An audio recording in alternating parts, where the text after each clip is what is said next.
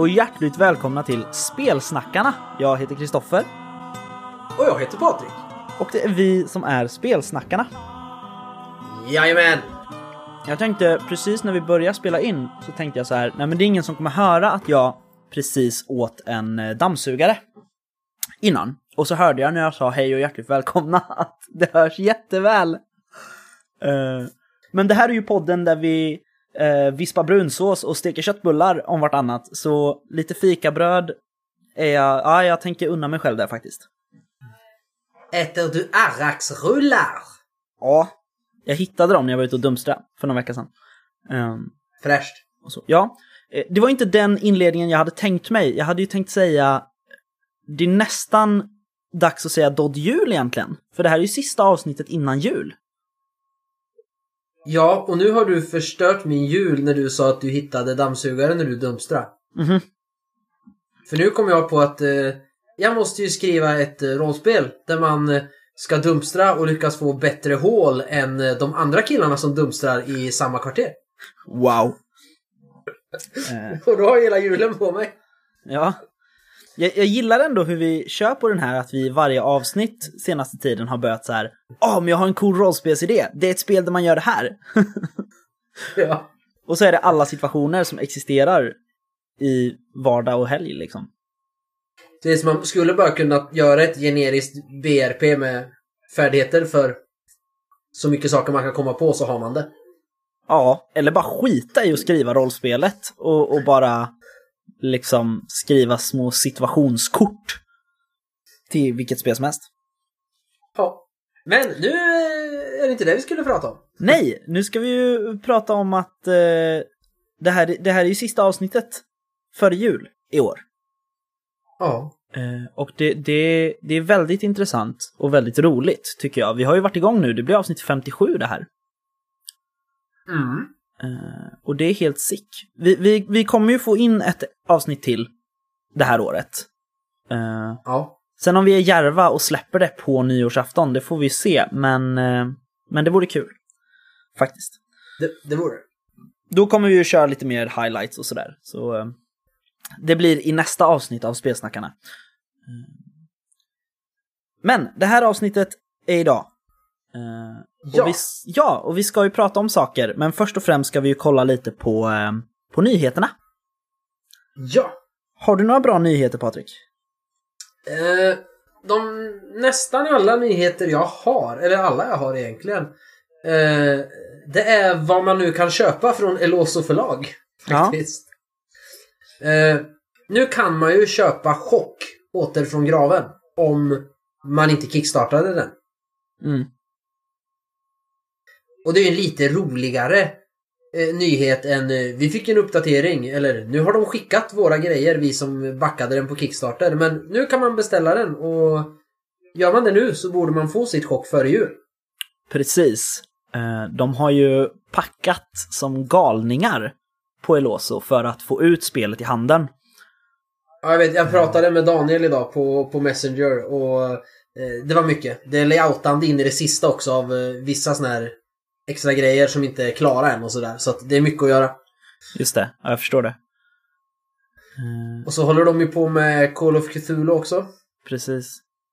Där de fortfarande, ifall ni vill, eh, behöver folk som kan hjälpa till och researcha 1920-talets Sverige och komma med inputs. Där behöver de hjälp. Just det. Eh, Så, så då kan man höra av sig till Eloso förlag om man vill hjälpa till. Ja, de ber om det på sin Facebook, eller? Ja, det, det var en uppdatering för svenska Call of Cthulhu där Björn Flintberg har spelat in en liten video. Och så pratar de om hur det går och där ber han om det. Ja, ja, okej. Eh, men, Eller ber om det, säger att det finns möjlighet att hjälpa till. Om ja, man vill. just det. Eh, så om man vill Så hjälpa en till så, så går man ju in på deras Facebook och kollar läget liksom. Eloso förlag. Heter de. Precis, de är ganska snabba på att svara på meddelanden faktiskt på just Facebook. Ja. Där Verkligen. de. Eh, sen har ju tredje delen i Anders Fagers eh, eh, trilogi eh, om fallet Cornelia Karlsson har ju släppts. Vad heter den? Krig! Utropstecken. Barn! Utropstecken. Ja, precis. Och det är ju coolt. Nu kan man köpa, man kan köpa så här eh, sam, eller samlarutgåvor, men då kan man köpa alla tre böckerna samlat om man inte äger någon av dem än. Precis, och då är det ju Eloso som ger ut dem också. De har ju verkligen norpat åt sig all Lovecraft som finns verkligen i Sverige. Ja, vi Call of Cthulhu, Bergströms eh, Cthulhu och eh, Anders Fagers eh, tre böcker. Och sen har Anders Fager skrivit, nu kommer jag inte ihåg vad han heter, han som har ritat, men de har gjort en serienovell också. Eh, Lovecraftiansk. Som Är det, den, eh, är det den Smutsig svart sommar? Eller? Ja, Ja. Nej, jag, jag, jag, eh, jag är faktiskt väldigt sugen på den fallet Cornelia Karlsson-boxen, eller vad man ska säga, slipcasen med alla tre. För att jag såg henne idag i receptionen, den första. Den har ju varit slutsåld, alltså out of print, hur länge som helst. Jo. Eh, Den är omöjlig att få tag på liksom, så jag har ju suttit i eh, på universitetsbiblioteket långa nätter och eh, slitit deras exemplar med den. Eh, för den är ju den är fantastisk verkligen. Jag, jag älskar Vadå, den. man, får inte låna, man får inte låna hem dem därifrån? eller? Jo, men jag, jag vill inte det. jag, jag vill sitta där i ett mörkt hörn hela natten och läsa.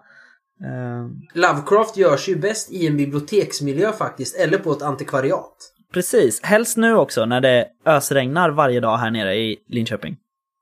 Ja. Eh, eh, det om Anders Fager. Har vi fler nyheter? Eh, universums öde. Det har ju funnits ett tag, men den finns ju, de, den finns ju också den första boken, men den heter Uppbrott från jorden. Den går ju också att köpa Mm. via Eloso. Det var ganska nyligt den kom där. Eh, så jag, jag har mest Eloso-nyheter Ja, faktiskt. Eh, annars vet jag inte. Jo, om ni inte har varit med än så har ni tid på er. Eh, Nostalgi och nördkultur har ju en julkalender på deras Facebook. Nostalgi och nördkultur, den här fantastiska tv-kanalen som åker och gör reportage här och var. ja, precis. Eh, Sci-fi-mässan och de har intervjuat Orvar Sävström några gånger. Och eh, där kan man vinna så roliga grejer. Man kunde vinna ett exemplar av Expert Nova. Man kunde vinna en Johan Egerkrans bok och lite. Och jag har vunnit en bok som heter Insert Coin. Som handlar om arkadspelens uppgång och fall i Sverige om jag förstod det rätt. Ja, men Den har inte kommit hem än. Så att eh, den kan ni gå in. Eh, på Nostalgi och Nördkulturs Facebook och vara med i julkalendern. Mm, just det. Eh, Eloso har väl också en julkalender, va? En liknande? Ja, det har de. På, på sin YouTube och Facebook och var de nu delar sina klipp. Det är samma sak där. Det är typ kommentera varför du vill ha det de visar upp. Ja, så får man något i Sagospelet Äventyr eller en chockbox var det nu senast tror jag. Så. Ja, precis. Mycket julkalendrar. Och poddkalendrarna pratade vi om i förra avsnittet. Mm, precis. Vi får väl... eh, Ja, jag ska nämna lite om dem sen. Lite hastigt. Ja. Men inte nu. Men då har jag inga fler nyheter för jag tror inte Låsa har släppt något mer. Nej. Eh, jag har ett par nyheter faktiskt. Jag har faktiskt ett par Kickstarters. Eh, och en kommande Kickstarter som är en liten... ehm, ja, den är lite specialare. Jag fick reda på den precis innan nu. Men först ut är Kickstarten för City of Mist RPG Starter Box. Ehm, och den är det, alltså när vi släpper det här, då är det snabba puckar som fan. För att nu idag, den 15, är det fyra dagar kvar på den. Eh, det är Son of Oak Game Studios som släpper. Det är i princip... eh, ja, men jag skickade ju ett spel som heter Förbannad till dig. Ja, min Eh. fru blev förbannad på det. Okej, ja, jag med, jag gillade det inte. Men det här är i princip, ja det är nästan likadant. Det är så här, du ska lösa olika speciella case, liksom. Ja. Eh, men du har förutsättningar som ibland gör det bättre för dig, ibland sämre.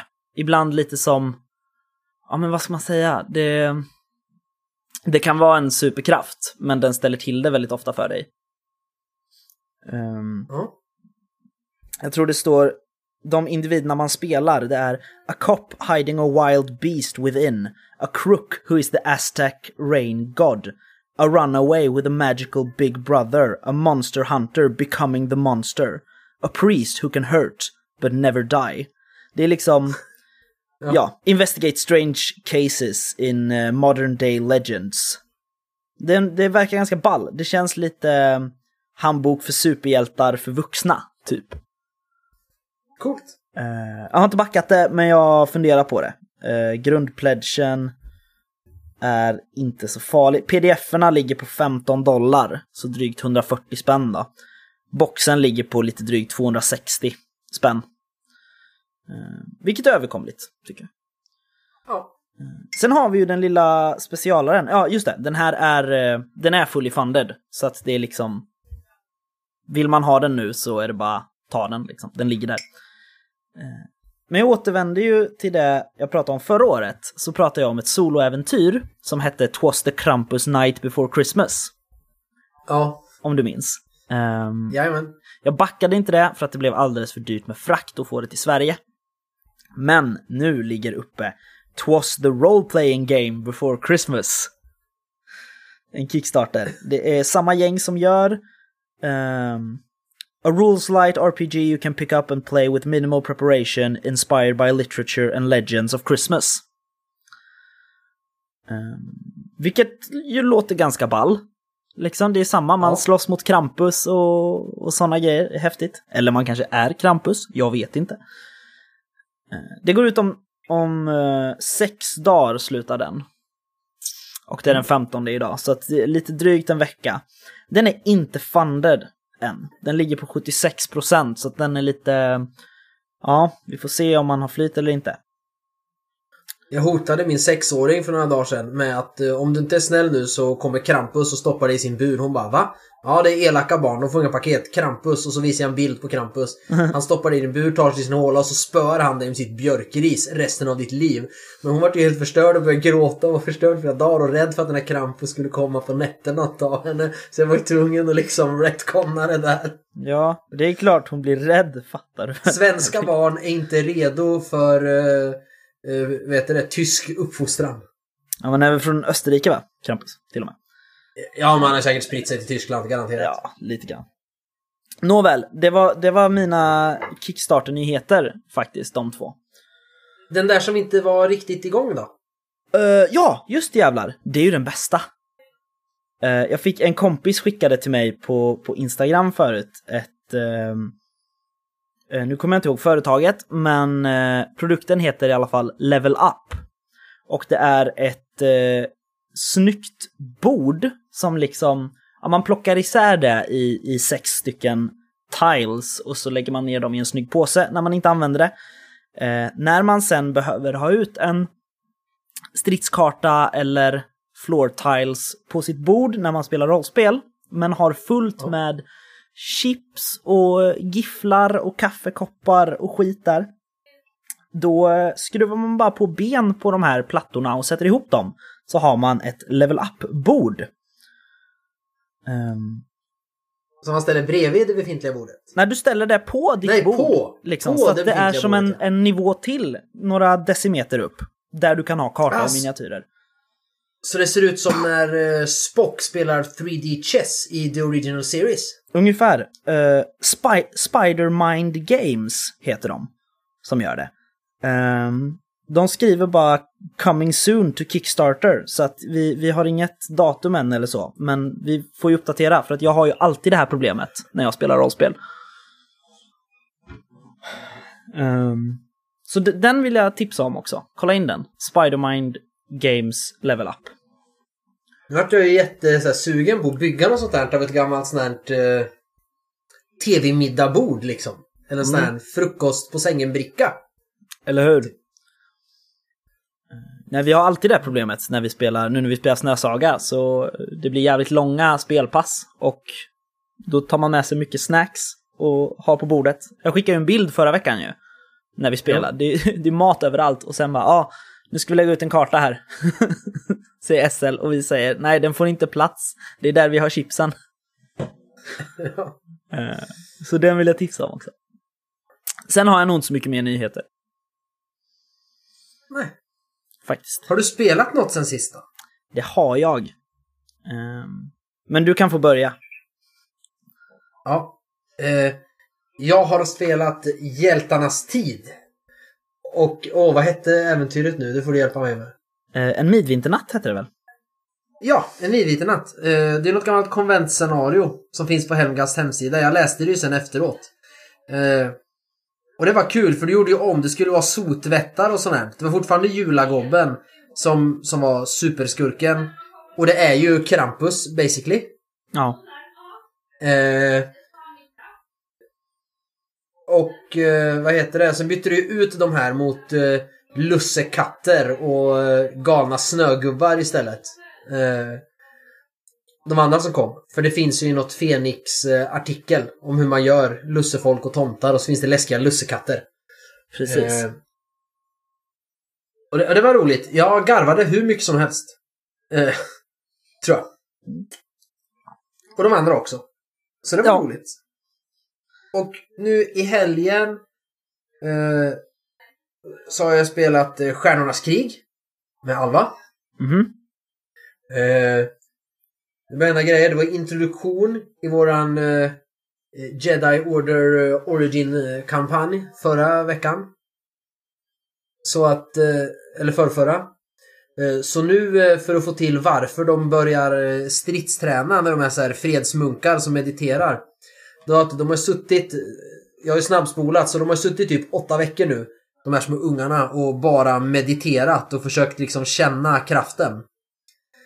Och sen vart de då ivägskickade till andra planeter för att känna om det känns annorlunda. Men då vart eh, eh Alvas karaktär Padawan eh, överfallen av några skurkar och han precis fly. Och samma sak hade hänt en annan eh, lärjunge på en annan planet.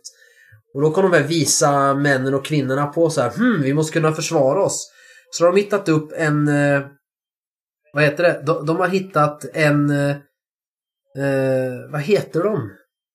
Nu, jag kommer inte på vad rasen heter nu. Eh, men eh, som var utstött för han var så ful så alla har så mobbat honom och velat slå honom. Så han har blivit typ mästare på att slåss med en pinne. Aha. Och göra coola volter och sånt när han slåss med sin pinne. Så honom har nu Jedi-orden knutit till sig för att han ska stridsträna dem. Ah. Coolt. Och så har det... Ja, och så eh, är det någon av... eh, En av mästarna, Jerai, han eh, har börjat känna så här att det finns någon sorts ädelsten i världen med, med, i galaxen med stark koppling till kraften. Jag vet inte vad de heter, de verkar finnas lite överallt så han ska meditera mer om det här. Och det är att de ska ut sen och jaga Kyber Crystals. Mm. Så de kan uppfinna lightsabers. Förstås. Ja, Fan vad ball. Jag tycker det blir ganska roligt. Alva har ju lite svårare att hänga med. Så här, va? Varför ska jag sitta och meditera så länge? Och vart är mitt lasersvärd? Ja, men de är inte uppfunna än. Jo, de finns redan i den här dåliga filmen nummer ett pappa när Anakin är liten. Och jag bara, ja, jo, men det här är ju före det. Så bara, det fanns inget före, det är första filmen pappa. så att jag måste ju som, det är inte så lätt att få henne in i mina tankegångar i min förändra story. Nej, det här med oskriven backstory kanske är lite för abstrakt för en sexåring. jo, men, men vi tuggar på. Ja, Det perfekt. är därför jag introducer, kommer introducera lightsabers lite tidigare än vad jag hade tänkt. Just det. Faktiskt. Ja. Det låter bra. Eh, Nej, sen har jag inte spelat något mer. Nej, Har du spelat något mer? jag har, Såklart spelat, har. jag har spelat lite grann. Eh, jag har ju som sagt, eller jag har ju spelat Hjältarnas tid. Eh, och det var ju, det var ju istället för att köra vårt Svärdets sång-möte egentligen. Eh, du, jag och Mattias, så, så spelade vi ju Hjältarnas tid, ehm, eh, en midvinternatt av någon person och Christer Sundelin. Förlåt, jag ska ta reda på vem som har skrivit det och så kommer vi att, att be om ursäkt i, eh, i Facebook-inlägget där vi delar det här. Men, eh, och, och så hackade vi ju då grundspelet med artikeln Julhjältarnas tid från julnumret av Fenix för några år sedan. 2016. Precis, ja. Ehm, och så var ju min kompis David med och det var ju första gången du och Mattias spelade med honom tillsammans. Ja. Ni har ju spelat med honom var för sig en del, eller du har bara gjort det en gång, men Mattias har gjort en del. Eh, Så det här var ju, det var riktigt kul faktiskt. Um, särskilt alla rim, rimgrejer. Det var så mycket nödrim. Ja, men jag, jag, jag kommer till dem senare i avsnittet för de, Ja, eh, okej. de hör hemma liksom i det vi ska prata om tycker jag. Ja, ja men absolut. Då återvänder vi till det. Sen, Men det var, det var roligt. Ja. Jag tycker vi ska... Inte när vi kör en sån här längre kampanj kanske eftersom då kräver det att alla kan samtidigt och det är, en av för, det är en av de bra sakerna med att vi bara är två spelare och en spelledare. Det är lätt att få till när vi ska spela. precis. Men när vi kör såna här... När vi kör one-shots och sådär. Då, då tycker jag absolut ska ha David. För det är en skön snubbe. Och det blir ju faktiskt en dimension till att vara tre spelare istället för bara två. Ja, så är det ju. Särskilt två som har spelat mycket med varann. Så att jag vet både... Jag, jag vet ju eh, hur Mattias tänker som spelare och människa. Och han vet hur jag gör. Och sen beroende på vilken typ av karaktär vi har gjort. Så vet vi ju, eller ja, ungefär hur han kommer spela den efter... Ja men efter en halvtimme så är det okej, men det är en sån här. Det är så här han tänker spela och agera. Och han gör väl likadant med mig och därför är det jätteskönt att ha med någon annan. Mm. Jo men verkligen, så är det ju. Eh, Och det är ju kul för mig också att få spelleda er tillsammans. För att David var ju, han är ju med i den första spelgrupp jag startade som inte var du och Mattias. Ja. Eh, Och då blir det ju väldigt, det blir ganska känslo, känslomässigt liksom blir det dyrbart att få spela med er tillsammans på något sätt. Om du förstår vad jag menar. jag förstår. Ja, eh, vidare. Eh, jag har också spelat Ticket to Ride nu, äntligen. Mhm. Jag, jag tyckte att det var ett roligt spel. Vilken Men- version körde ni? Ja, vi körde Amerika-versionen. Okej, för det är lite Men- andra regler. I Europa-versionen finns det lite tillägg och så. Precis. Jag, jag eh, tyckte inte reglerna var tillräckliga i USA-versionen. Så jag, jag ändrade lite till, till mina spelkamraters stora förtret. De satt och var skitsura på mig. Eh, för jag fick för mig så här att, jo men om jag har ett kort för den här färgen, då måste jag kunna koppla på en av mina vagnar på ditt tåg ju, och ta del av poängen. För att så gjorde man ju. Det här, det här är ju Parisvagnarna liksom som kopplas på. Och så får jag två poäng för det. Fast det inte är min sträcka.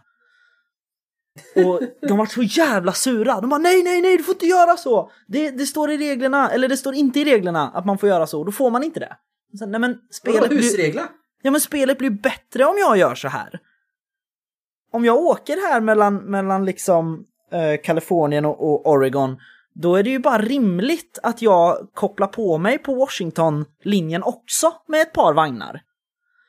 Förstår ni inte att jag gör spelet bättre? Men det tyckte de inte om. Fast det förstör ju lite grundtanken med spel.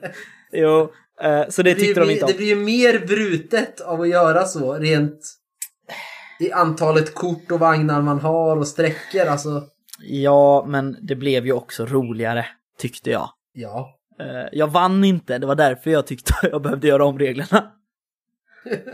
Eh, Sen har jag som vanligt spelat massa Yatzy. Jag vet inte var detta Yatzy, denna Yatzy-mani kom ifrån, men nu är den här och den är här för att stanna, tydligen. Ja, men då kan vi lika gärna spela Elder Sign som är Lovecraft Yatzy. Ja, precis. Jag försöker, men de vill inte. För det är ju Yatzy liksom. Ja, precis. Eh, Jag har spelat Uno också, en del. Det är ju också rätt kul. Det var, det var länge sedan. Mm. Jag såg på eh, spelbutiken här i stan att det finns ett, ett nytt som heter Dose. Det, det är någon slags expansion där man får ha två kort kvar. Eller något. Jag vet inte. Jag köpte det inte, men jag, jag får kolla in det och återkomma om det. För jag tyckte det lät ball också. Det är så här, första gången någon har fått idén. Hmm, vad kan man göra för expansion till Uno egentligen? Uh, ja. Spelet 2. Nej men det är typ, eh, du kan ha två kort och så kan du liksom vinna med dem. Ja. Eller någonting, jag vet inte. Jag får kolla upp det. Eh, sen i, i måndags så spelade jag också vad jag tror är årets sista DND. Jag vet inte om jag ska spela imorgon eller inte. Ehm. men eh, ja, det var fantastiskt. Jag gjorde min häftigaste manöver någonsin. Jaha. med min typ pirat Rogue tjuvmördare Beth. Som, vi var inne i ett, eh, i ett läger med vättar och så stod vi uppe på någon konstig platå och eh, så såg jag något som rörde sig i ett träd och jag bara gjorde en så jävla bra agility check så att eh, bara sprang och hoppade till trädet och så såg jag att åh nej, vätten som var här hade ju hoppat ner.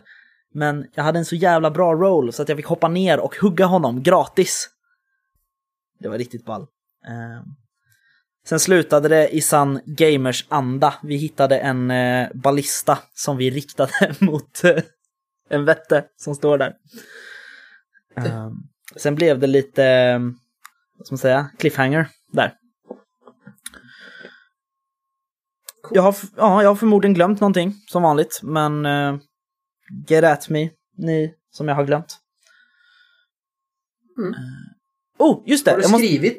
Ja, just det, skrivit ja. Ehm, Ja. Har du skrivit Det- något sen sist? Ja, lite grann. Jag har skrivit lite på den här kampanjen till regimen som jag har pratat om. Eh, Som verkar bli ball. Helt plötsligt så dök, eh, nu kommer jag inte ihåg vad han hette i förnamn, men Ampere i alla fall, som eh, åstadkom så otroligt mycket inom elektromagnetisk forskning. Eh, han blev liksom lite huvudkaraktär i den kampanjen av en ren slump. Coolt. Eh, Så nu måste jag göra massa research om det. Eh, Sen har jag nog inte skrivit något mer. Nej. Har du skrivit något sen sist? Ja, jag har skrivit uh, utrustningslistor till mörka regimen. Mhm. Mer. Eh, så jag har fixat lite felstavningar här och var. Och sen har jag velat läsa en massa kommentarer. Eftersom eh, nu när vi som hade låst den så hade du, har du delat den med fler folk. Och så... Eller ja. Eller låst den och låst den. Men, och så började det trilla in fler kommentarer så måste jag ju titta på dem och så här. "Åh, ja, det här kanske är vettigt och så måste jag läsa igenom. Ja, jag vet, förlåt. Men det, det dök upp en potentiell eh, speltestgrupp till, så jag, jag kastade in dem. Eh, Ja. Så vi ska ta tag i det. Vi måste ha ett stabsmöte här bara och bestämma absolut, vad vi tycker. verkligen. Eh, nej. Vad har jag skrivit mer? Nej, jag skriver ju på den här Stjärnornas krig-kampanjen As We Go. Eh, Mm. Jag och Alva. Just det. För beroende på hur hon gör så får jag ju skriva om lite och gasa och bromsa för det ska ändå passa så att...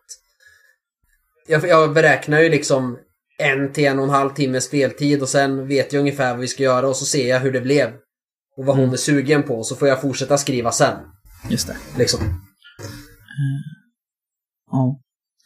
Jo, det glömde jag. Jag har skrivit lite på den här Vampire-kampanjen som jag har nämnt också. Den börjar verkligen ta form nu, vilket är jättekul. Jag hoppas att Jerry i skåpbilen är en återkommande karaktär. Ja, de hade... Just jävlar, jag har nog spelat Vampire sen sist också, tror jag. Eller inte, jag minns inte. Jerry var med sist vi spelade igen i alla fall. Eh, Ja. Han är så jävla skön. Nej, men, men... den jag tänker mig att han ser ut som den här killen i ICA-reklamen. Alltså Ica-Jerry. Ja. Jaha, nej, alltså det här är ju... Den här Jerry är ju liksom så här del av juggemaffian typ. I Sverige. Eh, tänker jag. Ja, ah, okej, okej. In, inte så här snäll och skön och härlig som man tycker om, utan en sån här dumdryg snubbe som man tycker om. En sån. Ja. Eh, nej men så det, den kampanjen har jag börjat skriva på mer och den eh, börjar bli väldigt intressant. Jag vågar inte prata om den eftersom jag har för mig att det är några spelare som lyssnar på podden. Okej. Men jag vill innan vi går in på ämnet som vi faktiskt har idag, trots allt, så vill jag dementera en grej från förra avsnittet. Ja. Jag är så förvånad att varken Johan eller Pelle reagerade på det när vi snackade om Mörkborg och jag felciterade utav bara helvete. Eh, Jag sa ju att jag tyckte det var helt fantastiskt att det stod eh, döden är bara början på slutet. Ja, men det står det ju inte. Nej, det står ju döden är bara slutet på allt. Ja. Vilket är ännu bättre. Ja. Och jag skrev ner det när vi hade slutat spela in så skrev jag så här, ah nej jag sa fel, jag måste skriva det i avsnittet. Men det blev så mycket kaos när jag skulle släppa avsnittet sen, så att jag glömde bort Ja, du delade omslaget till Mörka Regimen och all text men inget avsnitt. Och... Ja, nej det var konstigt. Eh, Så det vill jag säga, den där asbra meningen som var med i Mörkborg är inte med, utan det är med en ännu bättre mening.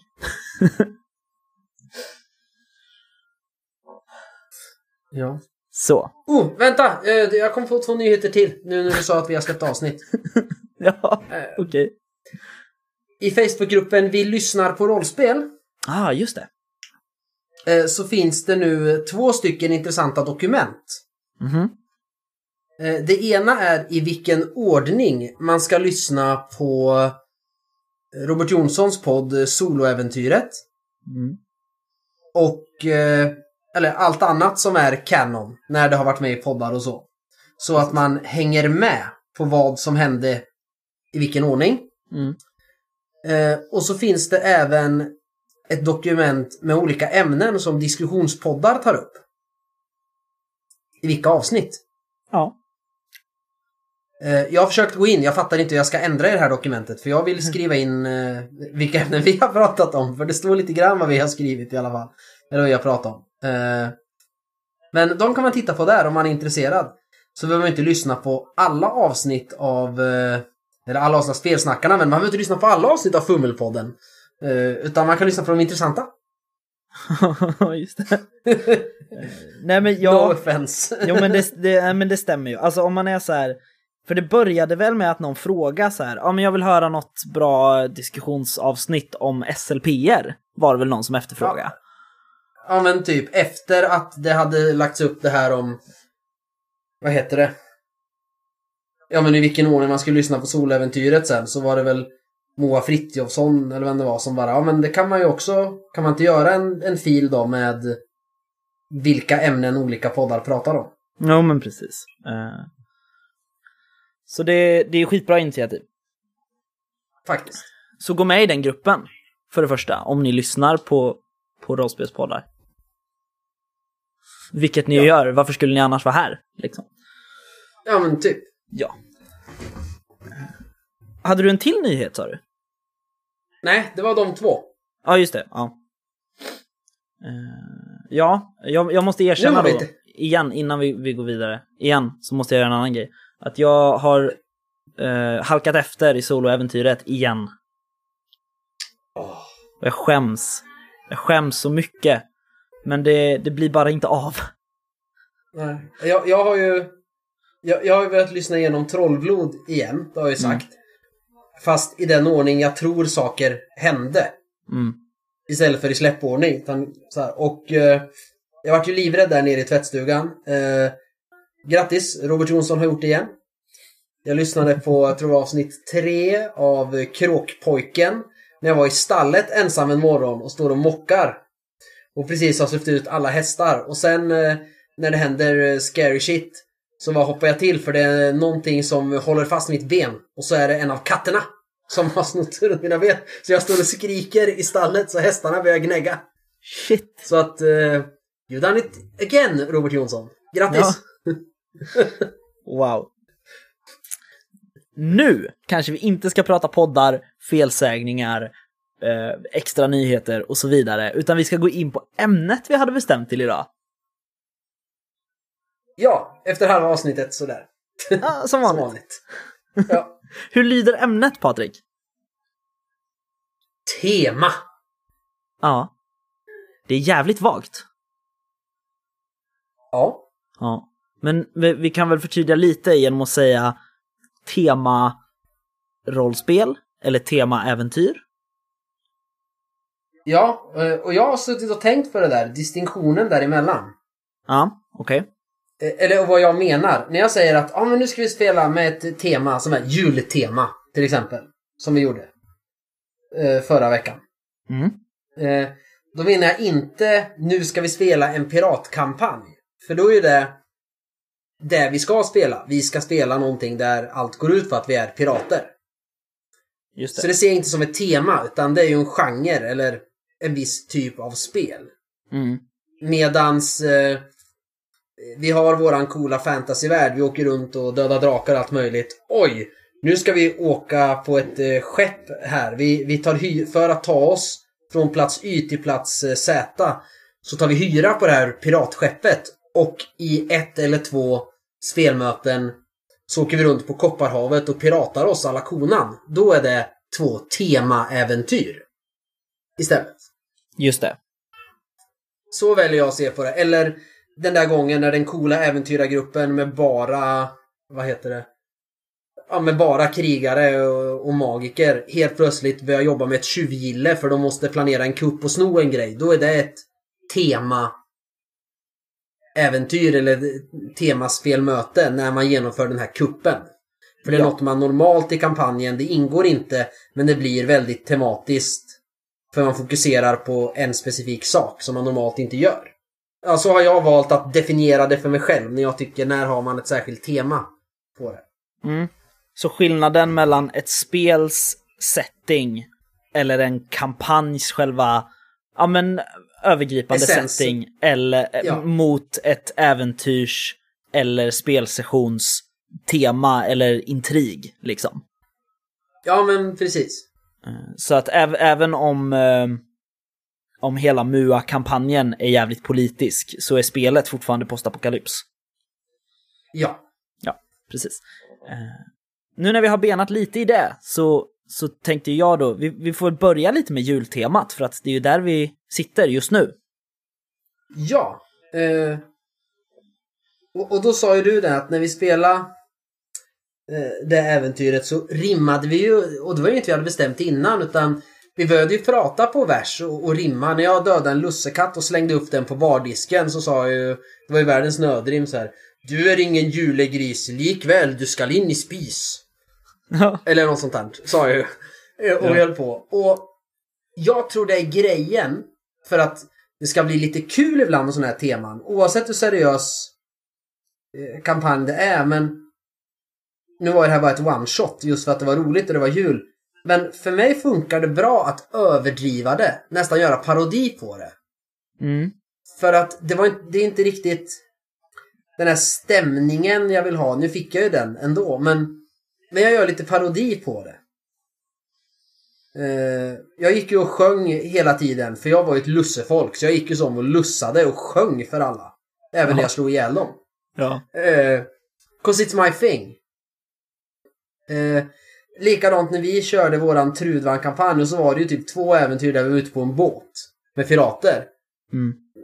Det vart ju, man kände ju det och det var som roligt för att det var så seriöst annars. Då gick jag runt och sa Arr!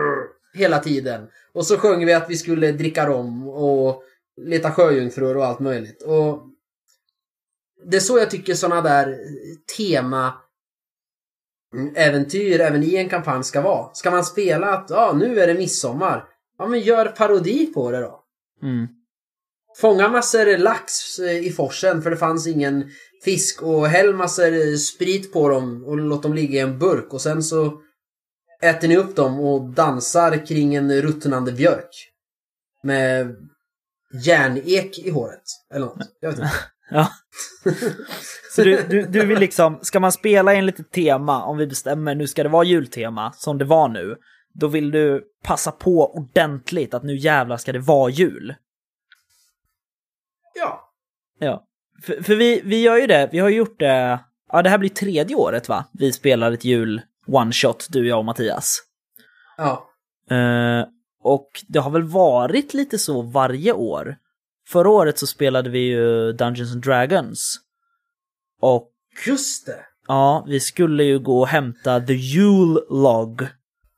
För att vi skulle ha och, och elda den stora stocken under hela den 25 december.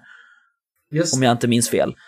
Eh, och det var ju samma där, det var ju så otroligt viktigt tror jag för mig att det skulle vara jul också. För att jag, jag vill verkligen då ja men understryka det liksom. Och just nu när vi gjorde det som du säger och överdriva att, att dels ha det här äventyret, Midvinternatt, som ju är skrivet för att alltså de olika delarna i äventyret, de inleds med rimmade verser som jag ju läste upp för er. Ja. Eh, och sen att vi använde också eh, värv och folkslag från julhjältarnas tid. Att ni var lussefolk Ja, för- och tomtefolk och, och sådär. Ja, för annars är ju inte det, det äventyret är ju inte så juligt i sig. Det är vinter, man är på ett värdshus, du läser en vers, sen kommer det en våg med fiender och till slut kommer julagobben som man ska slå ihjäl. Utan det blev ju juligt av att vi beställde in glögg och eh, att eh, den skitsura gubben som ägde värdshuset eh, tyckte vi var töntiga och tittade på oss och sa Lusselelle, lusselelle. Ja, precis. Och då började jag berätta, började sjunga en låt om Lusselelle som snodde morfars gris och jag skulle minsann gå och berätta för Lucia vad, vad ni hade gjort för dumheter och ja men det är då det blev juligt. Ja, och jag, Jag tror jag skulle ha svårt att spela ett sånt juläventyr och vara helt seriös liksom att okej, jag, är, jag är en nisse här i tomtens verkstad och vara helt seriös. Liksom, jag tror det är svårt. För mig i alla fall. Jo, men det tror jag också. Jag tror att det blir en, en slags idealbild. Jag tror att det är lättare att beskriva hur jag tror att Mattias ser på det, tror jag. För att det ligger nog lite närmare mig än vad jag själv skulle säga. För Mattias, han säger ju inför de här, när vi ska spela jul, att jag vill ha mys med snö och, eh, och glögg i skogen. Det är ju hans liksom, då, det är så man gör en jul one shot. Så att jag, jag tror att de blir lite, vad ska man säga, Fanny och Alexander kanalisering, om du förstår. Ja men precis, det blir Carl Larsson Ja, men vi tar så, Ja. så, så mysigt jul vi bara kan, för att vi vill ha ett lite mysigt julmöte, eller spelmöte, som det är vid jul. Det ska vara lite knäcka nötter och dricka glögg och sitta framför brasan. Ja. Sen att vi råkar behöva slå ihjäl en massa vättar också, det är ju det är också kul, men det är ju julen man vill åt. Ja. Men vad är, eh, vad är då poängen med att göra så hårda teman? För att vi, vi pratade ju om, om Fenix, du och jag, när vi bestämde det här, eh, det här ämnet. För de har ju temanummer. Det, det är ju Ja. tema på varje nummer. Och då är det äventyr, inte alla äventyr matchar ju inte alltid eh, temat för numret direkt, men Nej. liksom som det här, det var inte med i Fenix det här, men de försvunna julklapparna till sagospelet Äventyr till exempel. eh, som Mm. också var med i något julnummer. Eller när det är så här, som senast, tema öde, då handlar det mycket om att man måste följa sitt öde och, och sådana grejer. Det, det, alltså öde eller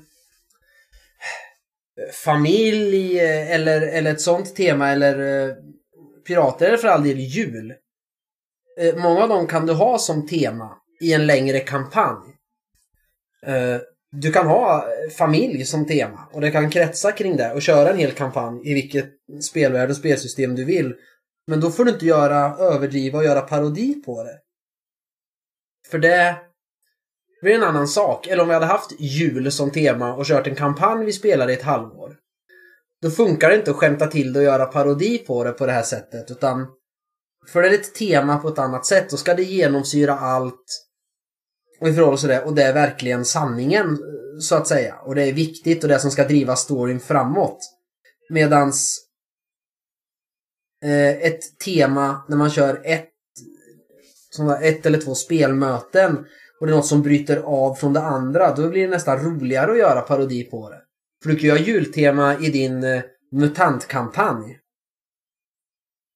I ett äventyr och gör det roligt. Någon hittar en så här plastjulgran på ett gammalt nedbränt rusta. Liksom. Och så är det någon som har en gammal bok om det där och så börjar man fira det här jul. Och då får det överdrivas så som de upplever det. Medans om du skulle spela en hel kampanj som går ut på jul, då, då, får du, då måste du hitta alla grejerna och, och du ska laga all mat eller att det är vinter hela tiden. Då kan du inte göra parodi på det där sättet, tror jag. Nej. Då sabbar det. Om jag, om jag får ställa min fråga innan du svarar, så att du kanske svarar på rätt fråga, eh, och inte en Ja. annan som jag inte ställde. Ja. Eh, vad är liksom poängen med att ha one-shots där man har ett så fixerat tema? Liksom, varför vill vi ha ett temanummer i Fenix varje år där det är så här, ja men här är, här är tre artiklar till, eh, ja men det är en till västern, en till ensamma vargen och så är det en till Drakar och Demoner Retro om hur du gör julkaraktärer eller vad, hur du väljer julteman till dina äventyr.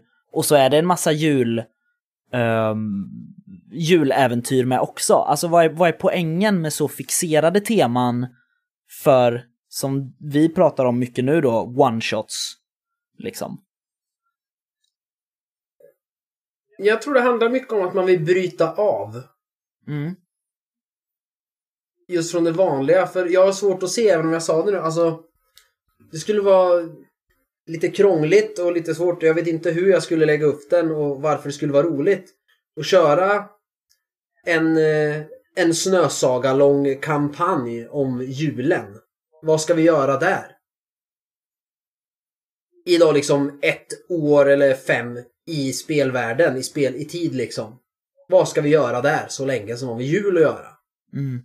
Man vill ändå ha lite av det och då går det att få in det genom att spela ett, ett one-shot. Sådär. För att det ska bli roligt och då kan man sväva ut lite grann, lite extra. Mm. Tror jag. Och det, och det är samma som det här med Ja men pirater tycker jag är ett underbart tema för det kan man få in överallt. Ja, men, visst, det finns piratspel och det skulle vara skitkul men jag inte så intresserad och har inte den läggningen för det och, och sådär att jag skulle vilja, jag personligen skulle inte vilja spela heller så här i två år.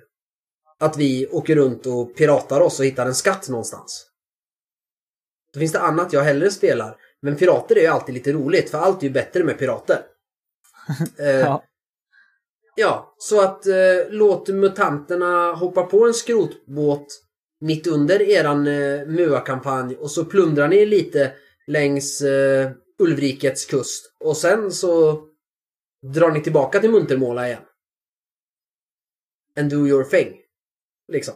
Just det. Jag kommer ju bara på alla mina knäppa liknelser hela tiden. Eh, men Ja. det, det, å andra sidan så gör ju du det också. Men om vi ser på rollspelandet, eller kampanjen då som vi håller på och kör, säger vi, rent hypotetiskt, som, eh, ja, men som en tv-serie.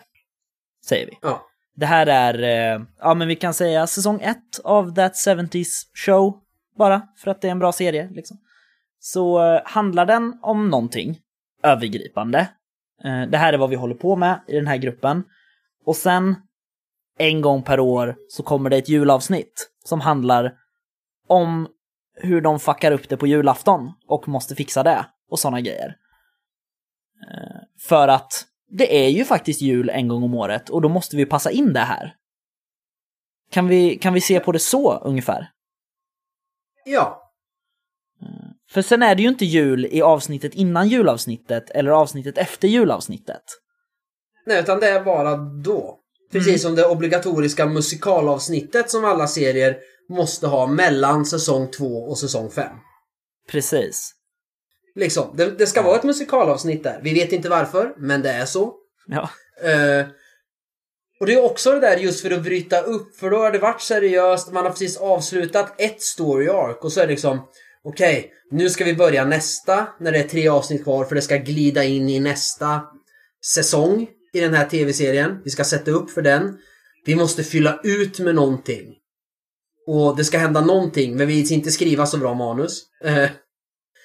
Men, e- eller så här, mellan två deläventyr i den stora kampanjen.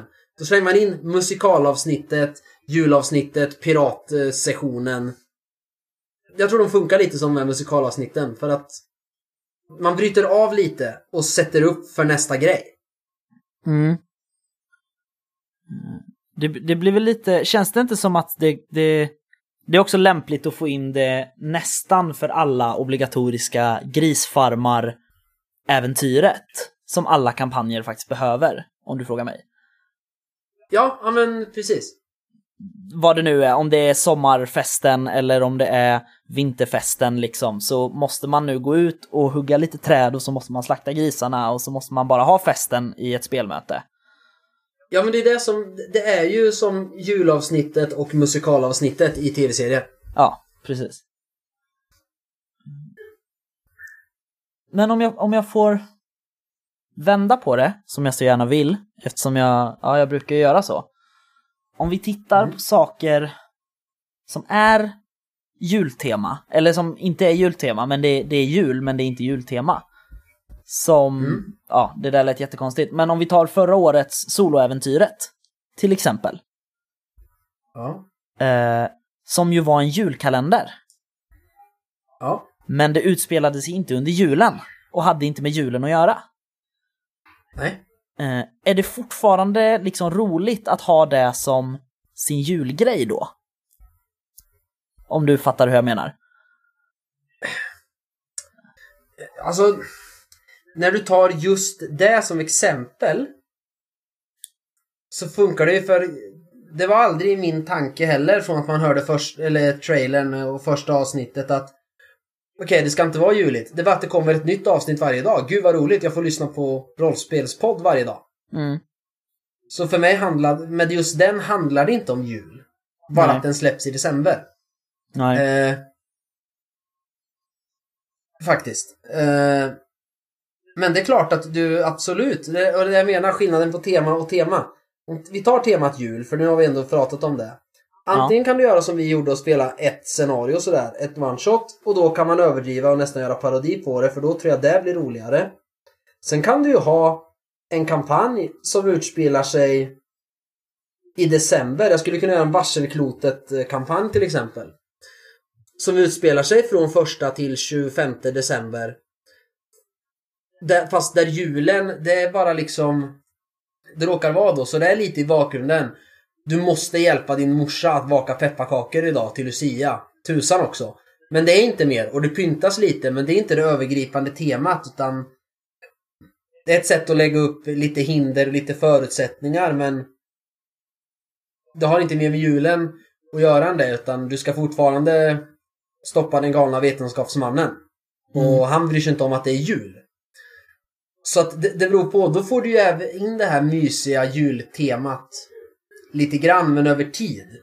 Och då blir det snarare fel att överdriva det, Just det. Det är sant. tror jag. Och det är där jag försökte säga skillnaden mellan tema och tema. Ja. Mm. För jag, jag är ju en sån som reagerar på sånt, för att jag, jag gillar ju också det här. Alltså jag älskar att vi har börjat med den här, att vi spelar ett juläventyr varje år. Eh, Ja. Så jag blir ju jätteexalterad när det dyker upp sådana saker. Typ poddar. Nu är det, ja men rollspelsmåndag till exempel. Ja. Eh, de hade ju, om det var förra året, tror jag, eller om det var två år sedan, så var det så här, åh, hej! Nu är det jul, typ, och vi ska eh, därför ha lite julavsnitt här, god jul, och så var det glitter och grejer i hela studion, och så spelade de eh, eh, typ, ja men något, ja men Mikael Bergströms eh, mysterium till eh, ur varselklotet, tror jag, Våra vänner maskinerna. Ja. Och då blev det så malplacerat på något sätt. Att det var så här, hej, nu är det jul, det här är vårt julavsnitt. Och så kommer det inget jul. För att då vill jag ha det här mysiga, då vill jag ha fyra scener i hemmen när, de, när, när ungarna bara sitter och dricker glögg liksom. Och myser och käkar lussekatter. Ja. Jag tror att det var lite julavslutning i skolan i och för sig, så nu ljög jag nog. Ja, jag högg mig själv i foten lite. Eh, Men förstår du vad jag menar? Att jag blir lite besviken för att jag vill ha så mycket jul, för att det är så mysigt med, med juläventyr. Nu ska vi se, hur ska, Ja. jag, hur ska jag rädda mig själv från det där? Nu gjorde jag ju bort mig jättemycket. Eh, Det gör jag Ja. också. Vi hade bara, ja, våra tema ska vara tema och vi har mest pratat om hur man gör parodi på julavsnitt, för det tycker Jo. jag är bra. det är sant. Men vi det kan är väl ingen säga... som blir en klokare rollspelare av det här avsnittet. Nej. Men, eller lite, vi kom ju fram till det där att det är bra med så här väldigt, st- eller styrda, det behöver de inte vara, men väldigt väldefinierade temasessioner ibland när man spelar en lång kampanj. För att bryta av lite och fräscha upp lite. Ja, men jag tycker alltid, vi har ju haft med det i nästan alla våra kampanjer. Det, det, alltså inbrottet. Det är Ja. ett inbrott någonstans i nästan varje kampanj. Mm, det är viktigt. Ja, och då går vi ju helt eh, nuts Ofta. ja, i, i planeringen och, och det ska vara maskeradkostymer till höger och vänster och lösskägg och, och sådär. Och sen när man har kört det avsnittet, då är rollpersonerna helt som vanligt igen. ja. det, jag tänker bara på att det är ju vid inbrotten mina rollpersoner tenderar att dö. Jag vet. Uh, nej men jag förstår vad du menar, så det, det, är lite samma, det, det, handlar bara om att bryta mönstret på ett bra sätt för att fräscha upp lite på något sätt. Uh... Ja men precis, kör man då den här fantastiska jättelånga piratkampanjen mm. då får man ju istället bryta av med, med något annat. Att man, att man eh, går i land och måste gå till fots. Bara en sån sak. För det är man ju inte van vid. Nej. Och då kan man göra parodi på att alla ramlar omkull för att marken är för fast liksom. De står helt still. Alltså vadå, den rör sig inte. Så man går med så här rullande gång så bara ramlar man hela tiden. Ja, de har fått skörbjugg. Det har de också fått. Men, men jag tänker, jag får så här, nu bara ploppar in idéer som mest exempel bara för att förtydliga. Men jag fick idén här, skulle man ju kunna implementera eh, MUTANT Hindenburg i MUTANT Undergångens arvtagare. Att för där, i MUTANT Hindenburg så, eh, alltså Fria Ligans kommande MUTANT, så, så finns det ju regler för hur man skapar sin egen verksamhet och har en egen ja. detektivbyrå och sådana grejer. Och jag tänker att petar man in de reglerna i MUA, som, alltså kampanjen är ju inte tillräckligt lång. Vad är den? 776 sidor, liksom. Det räcker inte. Jag tycker den är alldeles lagom lång. Ja, men jag tycker den är för kort. Så att jag tänker att man slänger in då som tema att ah, kommer ni ihåg den här detektivbyrån ni har? Uh, ni har nu fått har ett, fall... ett fall. Precis, ni har ett fall som inte innebär att hämta den här uh, robotskallen. Liksom. Uh, och så bryter man lite där på något sätt. Så att, så att ett, ett temaäventyr blir ett sidequest helt enkelt, som inte alls hör till storyn. Det kan man absolut göra och, och det funkar ju i, i kampanjer där man inte fokuserar så mycket på rollpersonernas bakgrund och utveckling och sånt. Mm. Där funkar det perfekt att slänga in, tycker jag också, just på det här. Så att temat blir en rollpersons story arc. Så att helt plötsligt en session där så var Ja, och nu dyker din gamla förskollärare upp, Pelle. Och ser helt förtvivlad ut och grappar tag i dig. Och så måste man dra till hans hemstad och det är pinsamma bilder från mamma och, och allt möjligt. Och så är det en spelsektion som bara handlar om honom. Eller henne. Mm. Just det. Och, och den rollpersonens bakgrund och sådär. För då kan man också göra riktigt så här sköna grejer. Och det bryter av. Och sen så är det fo fortsätta Ice on the Price. Så liksom. Om vi då ska definiera den här diskussionen tydligare när vi pratar om temaspel så pratar vi bara om ett sidequest med en kreativ SL. ja, det Eller? låter ju nästan så nu. Alltså, fast det var inte så jag menade från början. Du ser, vi har vilat bort oss själva här. Ja, verkligen. Det är en eh, djup diskussion vi har idag. Ja. Eh, nej men jag, jag, eh, jag tror att själva, själva kärnan i det där var det du sa, att det, det handlar om att få en paus från kampanjens stora grej. Uh, men det behöver ju inte alltid vara bra ju. Det kan ju vara helt jävla värdelöst ibland. Nu får vi ju, nu vill jag faktiskt ta upp Snösaga här och nu får jag be om ursäkt om, om jag spoilar för mina uh, spelkamrater. Men där har vi ju ett sidequest. Det är inte ett sidequest, det är ett mainquest, men där är temat uh, krigsföring i en viss del. Ja. Och ja. där, där har man ju förmodligen tänkt så, när man skrev Snösaga, att vore det inte asball om vi bara bröt av det här äh, gå runt och använd dina färdigheter till för ett krig mot en armé på tre miljoner orkir. Uh, genom att räkna nu ut kör vi procent Nu kör vi Battle for Helms Deep här ett tag. Ja men precis, i rollspelsgrej liksom. Och så under där så har vi en massa sidequest. Så här bryter vi av det traditionella rollspelandet med en massa häftiga krigsföringsregler. Där har man ju, om man frågar mig, ett tema definierat äventyr som bara går åt helvete. Ja. Eh, för det är ju inte kul. alltså... För det är ju som du säger, att där tar man ju då krigsföring, till exempel, kan vi använda då, eh, och överdriver det jättemycket. För att då är det så här, ja men om man har så här många från den här byn så ökar chanserna med så här många procent på tärningen och så vidare och så vidare. Så då Det, det överdriver blir Drakar och man ju. Demoner gigant av det fast eh, värre, fast konstigare och sämre. Ja men precis, men då blir det just det här att, att då överdriver vi ju situationen. Det räcker inte med att slå för ledarskap eller eh, strid längre, utan nu ska vi göra krigsföring på riktigt. Nu måste du slå tusen slag liksom och eh, hela skiten och så måste man gå runt och samla styrkor och sådär. Så att det blir som vi pratade om, att det blir väldigt överdrivet för att göra det bättre. Men Ja. det faller för att det blir för mycket istället. Typ. Ja men precis, där försöker de ha ett tema i del av kampanjen, men det blir inte bra. Nej, precis. Nej. Ehm, så ja, jag tror att vi Jag har... vet, inte om vi kommer, jag vet inte om vi kommer så mycket längre på tema, men på tal om Drakar och Demoner Gigant och krigsföring. Mhm. Så före Drakar och Demoner Gigant så kom vi Drakar och Demoner Expert. Just det, det har vi inte nämnt än. Och eh, det har kommit post Ja, till eh, Spelsnackarna-redaktionen. Och när man öppnar den svarta boken så står det med vänlig hälsning Anders. ja, Det är precis. alltså Anders Blixt, Expert Nova. Och det var först nu jag kopplat, heter det Expert Nova? För att det är T20 och eh, han eh, var ganska hårt inblandad i Drakar och Expert. Jag har faktiskt ingen aning. Inte jag heller. Eh, men då, då, då säger vi då för att förtydliga, nu är vi färdiga med temadiskussionen. Eh, Ja, för vi kom inte längre i den. Nej. Eh, Vi har svamlat runt och vi vet inte riktigt vad vi själva tycker. nej. Eller vad vi ens skulle prata om. Jag tänker, vår podd börjar mer och mer likna så här, kommunism. Det är alltid en jättefin idé bakom valet av eh, ämne, men sen när vi ska köra det i praktiken så fallerar det. I verkligheten så fungerar det inte. Nej, precis. Vi kanske kan döpa om oss till Kommunistpodden och slå oss ihop då med, med rollspelskollektivet. Ja, varför inte?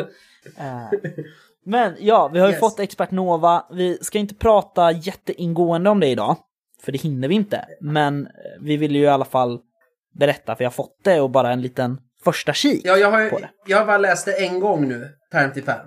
Mm. Så, jag, så därför blir det inget. Men Expert Nova, rollspelsregler för action och äventyr i nära dåtid, nutid och framöver. Av Anders Blixt. Eh, Elin Blixt har illustrerat och Thomas Arfert har gjort omslaget. Och omslaget, eh, när man tittar på boken, det känns ganska KSR. Alltså det är häftat, eller limmat är det ju till och med. Den är limmad. Eh, 52 sidor, svart. Enkel, ingen häftig omslagsillustration. Och jag blir extra glad när det är rävspelsloggan på baksidan. Ja, precis. Då, tänk, då tänker man ju på typ första västen och sånt var väl rävspel va? Tror det. Jag är inte helt säker. Sen, ja. Sen öppnar man eh, och läser lite. Och första intrycket när man läser förordet är att wow, det här kommer vara så enkelt, så smidigt. När det står bara Expert Nova är ett smidigt regelverk för nutidskampanjer. Eh, det står att det tillhör Basic Role Playing-klanen. Jag har jobbat med BRP-varianter i 40 år. När jag gjorde Expert Nova har jag vägletts av principen less is more Ja. och meckat med komponenter de blir lättanvändiga. An, lättanvända. Och det tycker man ju låter helt fantastiskt, eller hur? Ja, verkligen. Sen... Eh, sen slår man upp det. Ja. Nej men jag tycker att det krånglas till lite i början. Okej.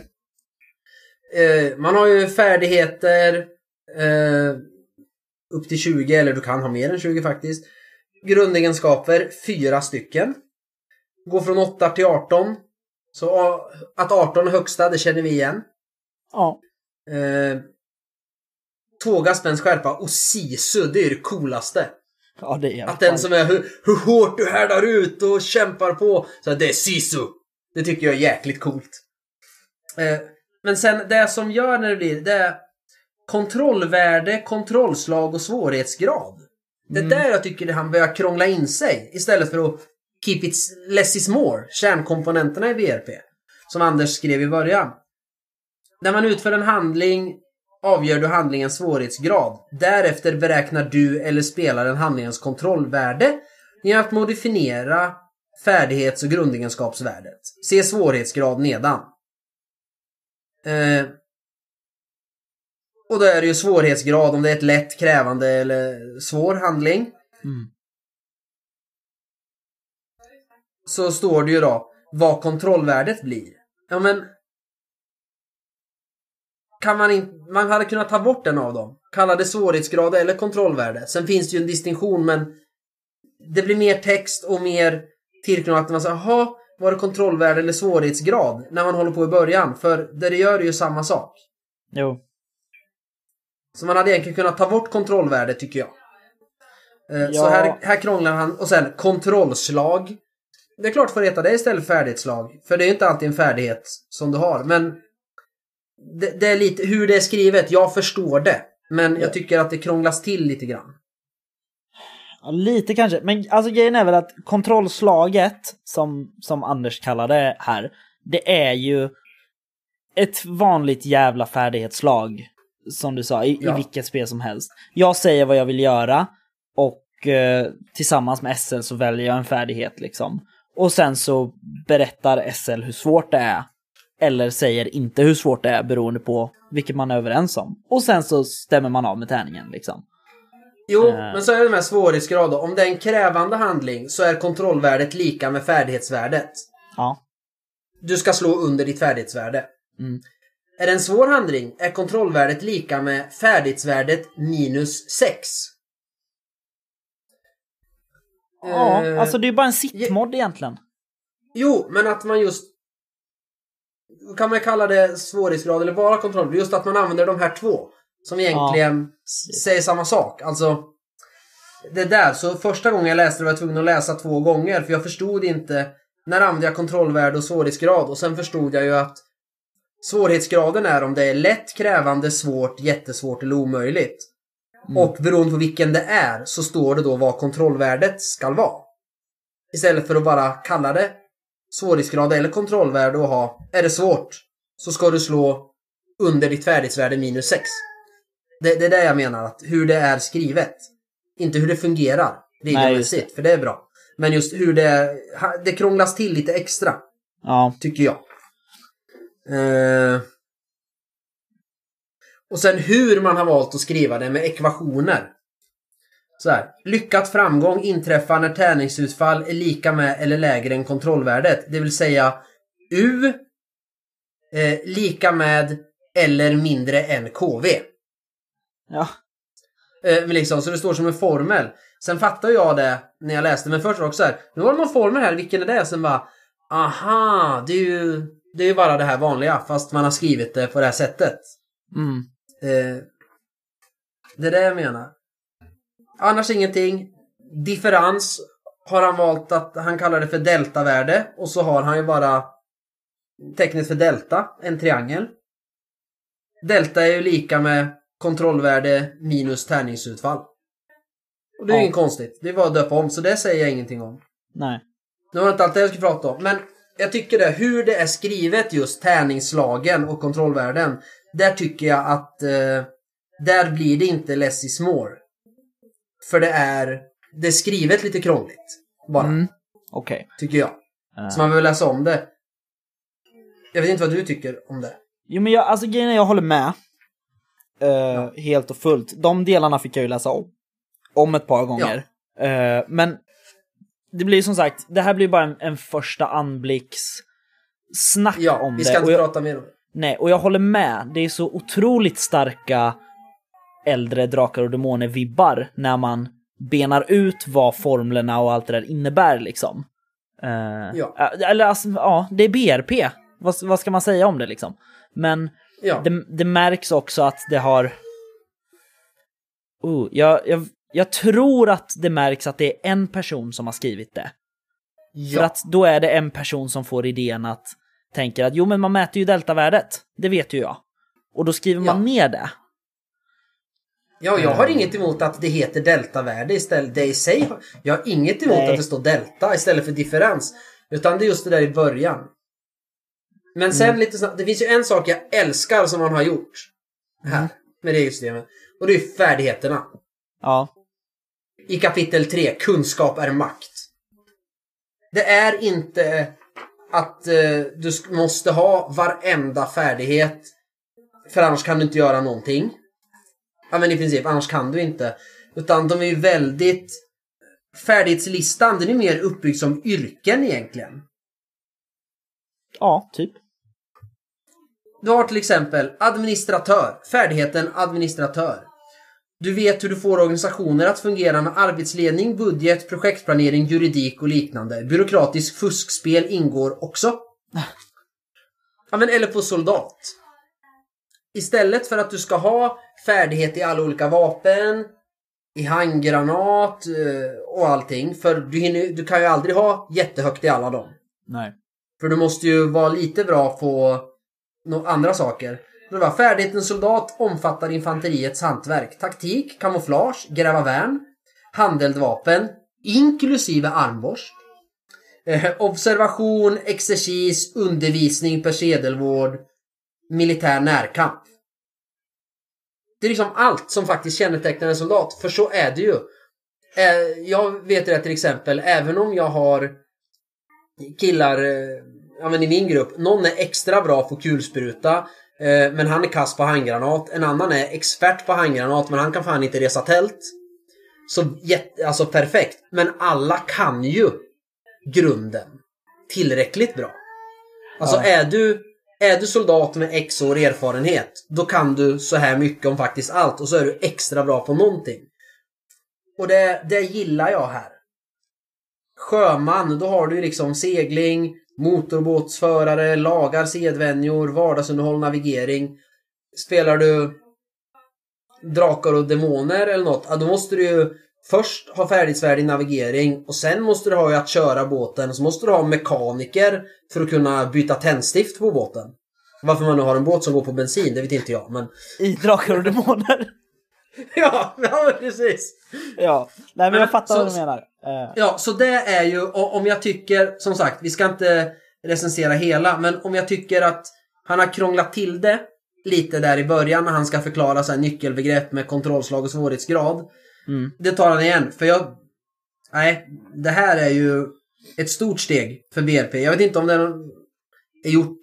Jag har inte läst någon annan VRP-variant där någon har gjort så här, men just att det är nästan ett yrke.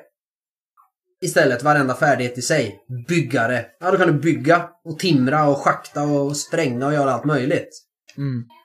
Och det är inte så att du bara får en färdighet, utan beroende på hur gammal du är så får du välja mellan tre, fem eller sju startfärdigheter. Just det. Så du kan ju ha soldat, byggare och administratör. Om du nu tycker de passar ihop. Ja, men, och och det, det är skitbra hur han har gjort här, att färdigheterna är så breda. Mm. För det gör det enkelt att komma igång. Du behöver inte sitta där och bara Ska jag ta så här mycket poäng i navigering eller så här mycket i sjöfart? Utan Nej, jag har sjöman. Ja. Klart och betart. Och så kan du fundera på vilken mer du ska ha. Ja men soldat, för det är bra att kunna slåss och gömma sig. Mm. Så jag, jag tycker den är bra. Jag ser fram emot eh, att få läsa igenom det en gång till och att få spela det. Och jag ser fram emot de här eh, häftena han ska släppa med lite olika settingar. Just det. Eh, sen, sen är jag, jag är lite besviken Eh, just lite på den här soldat. Lite. För det, det som står är att alla eh, signalist finns. Och då kan man telekommunikation med radio, kabel och blinklampor och sånt. Alla äventyrare kan dock använda en enkel komradio utan färdigheten. Men soldat får extra. Jag är inte signalist. Men det är få som är bättre på kortvågsradio än vad jag är faktiskt. Ja. Så att eh, jag tycker att soldat, där borde man kunna vara lite bättre på eh, fiber och, och lite sånt va. Så att vi var signalist. För... Men det där, Nej, det där är ju esoteriska grejer om man är soldat Patrik. jag vet. Men jag, jag, jag gillar en grej särskilt med det här vid en första genomläsning. Ja. Eh, och det är begreppet krom som används, kromregler. För att istället för som andra har gjort alltid med frivilliga regler, avancerade regler eller alternativa regler så använder Ja. jag Anders Blixt här krom. Det är ganska nice som utfyllnad, men det är inte nödvändigt. Eh, Sen gillar jag hur det står också. Så här, begrepp, begreppet krom är spelkonstruktörsjargong för grej som förhöjer stämningen men kan utelämnas utan besvär. Jo, du sa ju det. Men en fråga till spelet då, vid första anblick. Ja. Är det vad det utger sig för att vara? Är det Ja, ett det är enkelt BRP-system? Eller ja, en, en enkel BRP-tolkning liksom. Det det egentligen faktiskt utger sig för att vara är ett sätt strömlinjeformade rollspelsregler för action och äventyr. Ja. En renodlad regelbok av klassisk svensk modell. Svensk modell. Och det står till och med på baksidan. Jag, så jag måste läsa den för då vet man precis vad det är. Expert Nova är en renodlad regelbok av klassisk svensk modell. Grundegenskaper och färdigheter har värden mellan 1 och 20 och du lyckas genom att rulla lågt med en T20. Ja. Ja, basically. Eh, Så, och det är det ju. ja. så det, det är precis vad det utger sig för att vara. Ja, Mm. faktiskt.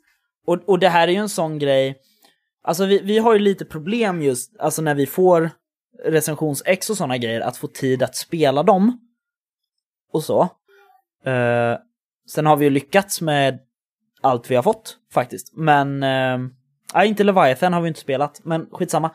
Men här pratar vi ju inte om ett helt spel på det sättet. Om du förstår vad jag menar. Här, pra- här pratar vi mer ett ett regelsystem. Eh, att använda till vilken kampanj som helst eller vilket äventyr som helst. Jo, däremot så du kan ju använda det som sagt från ja men alltså sekelskiftet 1800-1900 och fram till typ 2050 någonting. För det utan att ändra någonting egentligen. Ja. För det, det är ju det, och det är det det är skrivet för. Sen kan man ju absolut använda det, alltså jag skulle kunna ta och göra fantasy av det också. Men, Mm. men det funkar ju just till det det är gjort. Sen är det ju som alltid med BRP, ja men vissa saker tycker jag är bra att ta från gamla Drakar och Demoner, vissa tycker jag är skitbra i Hjältarnas tid.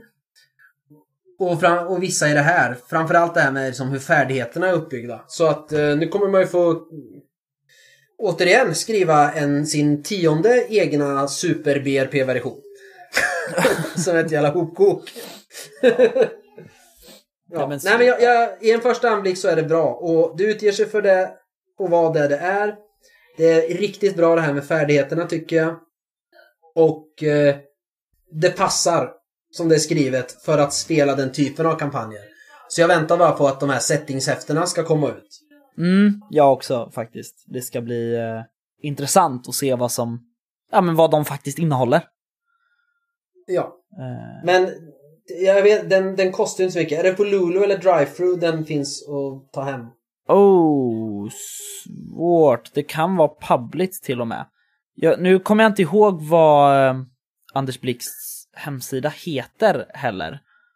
Vi Eh, lägger upp det tillsammans med avsnittet när vi släpper Ja, det. vi, vi lägger Länka. en länk till Expert Nova i, eh, i det här avsnittet.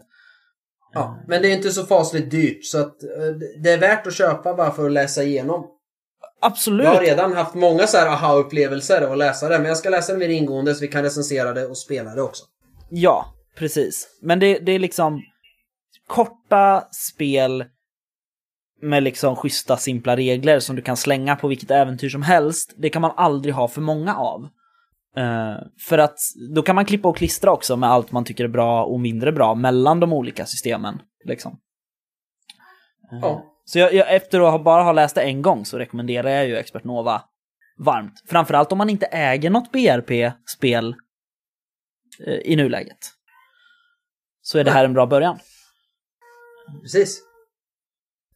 Man kan säkert spela MUA med det här. Ja, det tror jag säkert. Jag tror man kan spela Ja, det allt med det där. Eh, Ja. Men, oh, jag måste få säga en sak om Mörkborg kom jag på nu när vi pratar om spel. Ja, ja jag vill avsluta med en rolig anekdot.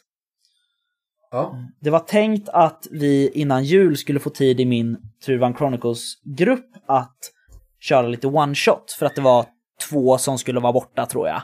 Och då brukar vi köra så att vi ses och spelar någonting annat. Liksom, de som är kvar. Ja. och, då skulle vi spela Mörkborg. För det ville jag testa. Så jag kunde berätta i podden om hur det gick sen. Eh, det blev aldrig av, det är därför jag inte har sagt något om det idag. Men jag skickade i alla fall pdfen då till, eh, till min kompis Fredrik så han kunde göra en karaktär och så. Ja. Och han bara shit, det är precis som du har beskrivit, det här ser ju helt fucked up ut, sa han. Eh, layouten är ju för fan överallt i den här pdfen. Eh, Nåja, skrev han, det är säker på att det ser bättre ut i tryck. Och jag, jag sa, nej, det gör det inte. Det ser exakt likadant ut i tryck. Åh, Eh, och det tyckte jag var väldigt roligt. ja. Eh, men, eh, ja. det blev min avslutande roliga anekdot tror jag. Bra med anekdoter. Ja, nej, men jag tycker det. Jag samlar på dem. Så länge Ja. de räcker. Eh, men till, eh, till nästa avsnitt, när det ju Mm. är, är nyår, och då har vi ju kommit förbi jul redan. Då kommer vi få säga god jul igen. Eh, Ja. men då vill vi ju jättegärna ha tips på några bra ämnen som kan knytas lite till, till nyåret ju. För vi kommer ju prata lite om så här highlights under året och bästa spelen och allt bästa utgivet och allting sånt som man gör i nyårsspecialen. Men är det något särskilt ni som lyssnare vill att vi ska kika på, något vi ska spana på från, från det gångna året? Då är det ju bara att skriva till oss um, gällande det. Ja, och även ämnen inför nästa år för att som sagt, jag, jag tycker det är svårare och svårare. Jag tror det är därför det blir så här. Första 25 avsnitten, då var det enkelt vad vi skulle prata om. Mm. Och man kunde verkligen hålla sig och sitta i en timme och prata om en sak. Och man hade en bestämd uppfattning. Nu har man pratat om det så nu nu är det så här, ah, vi måste, vad ska vi prata om? Ja, vi pratar om tema, för vi hade ju tema. Och så har man någon idé och så blir det inte så mycket så att jag, jag, jag har några idéer men de är också så här flummiga för de man faktiskt kan ta lite konkret på. De har vi redan tagit känns det som. Jo. Eh, det är nu Vi vi kanske får- öppna lite boxar om vi har tur.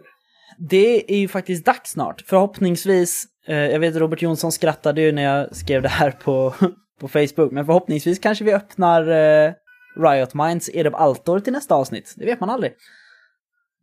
Nej, vi vet aldrig vilket avsnitt vi gör. Nej, så har det varit nu senaste året. Ja. Eh, men eh, är det nu vi börjar använda det här dokumentet som ligger i eh, Vi lyssnar på rollspel och snor alla ämnen som alla andra har pratat om? Jag har redan tänkt den, så way ahead of you Ja, Kristoffer. okej. Ja, men bra. Eh, Yes. Men vi, vi tar jättegärna emot förslag på ämnen, både till nyåret och till eh, alla kommande avsnitt någonsin av Spelsnackarna. Eh, så vill man det, så vill man skicka ämnen till oss så kan man göra det på vår Facebook, facebook.com spelsnackarna, eller på Messenger om man inte vill skriva det i en kommentar. Eller så kan man mejla oss på spelsnackarna gmail.com. Det kan man göra. Mm. Eh, nu, eh, nu går vi och börjar preppa för jul då. Jajamän, jag ska eh, göra korv nu ikväll. Ja, trevligt. Jag ska dricka glögg. Tjejen i charkdisken på ICA tittade konstigt på mig när jag frågade efter krokfjälster men hon gick och hämtade en äldre kollega som visste vad jag skulle ha. Nice. Nåväl, då ska du få gå och göra det så hörs vi till nyår. Det gör vi. Hej då Kristoffer! Hej då Patrik.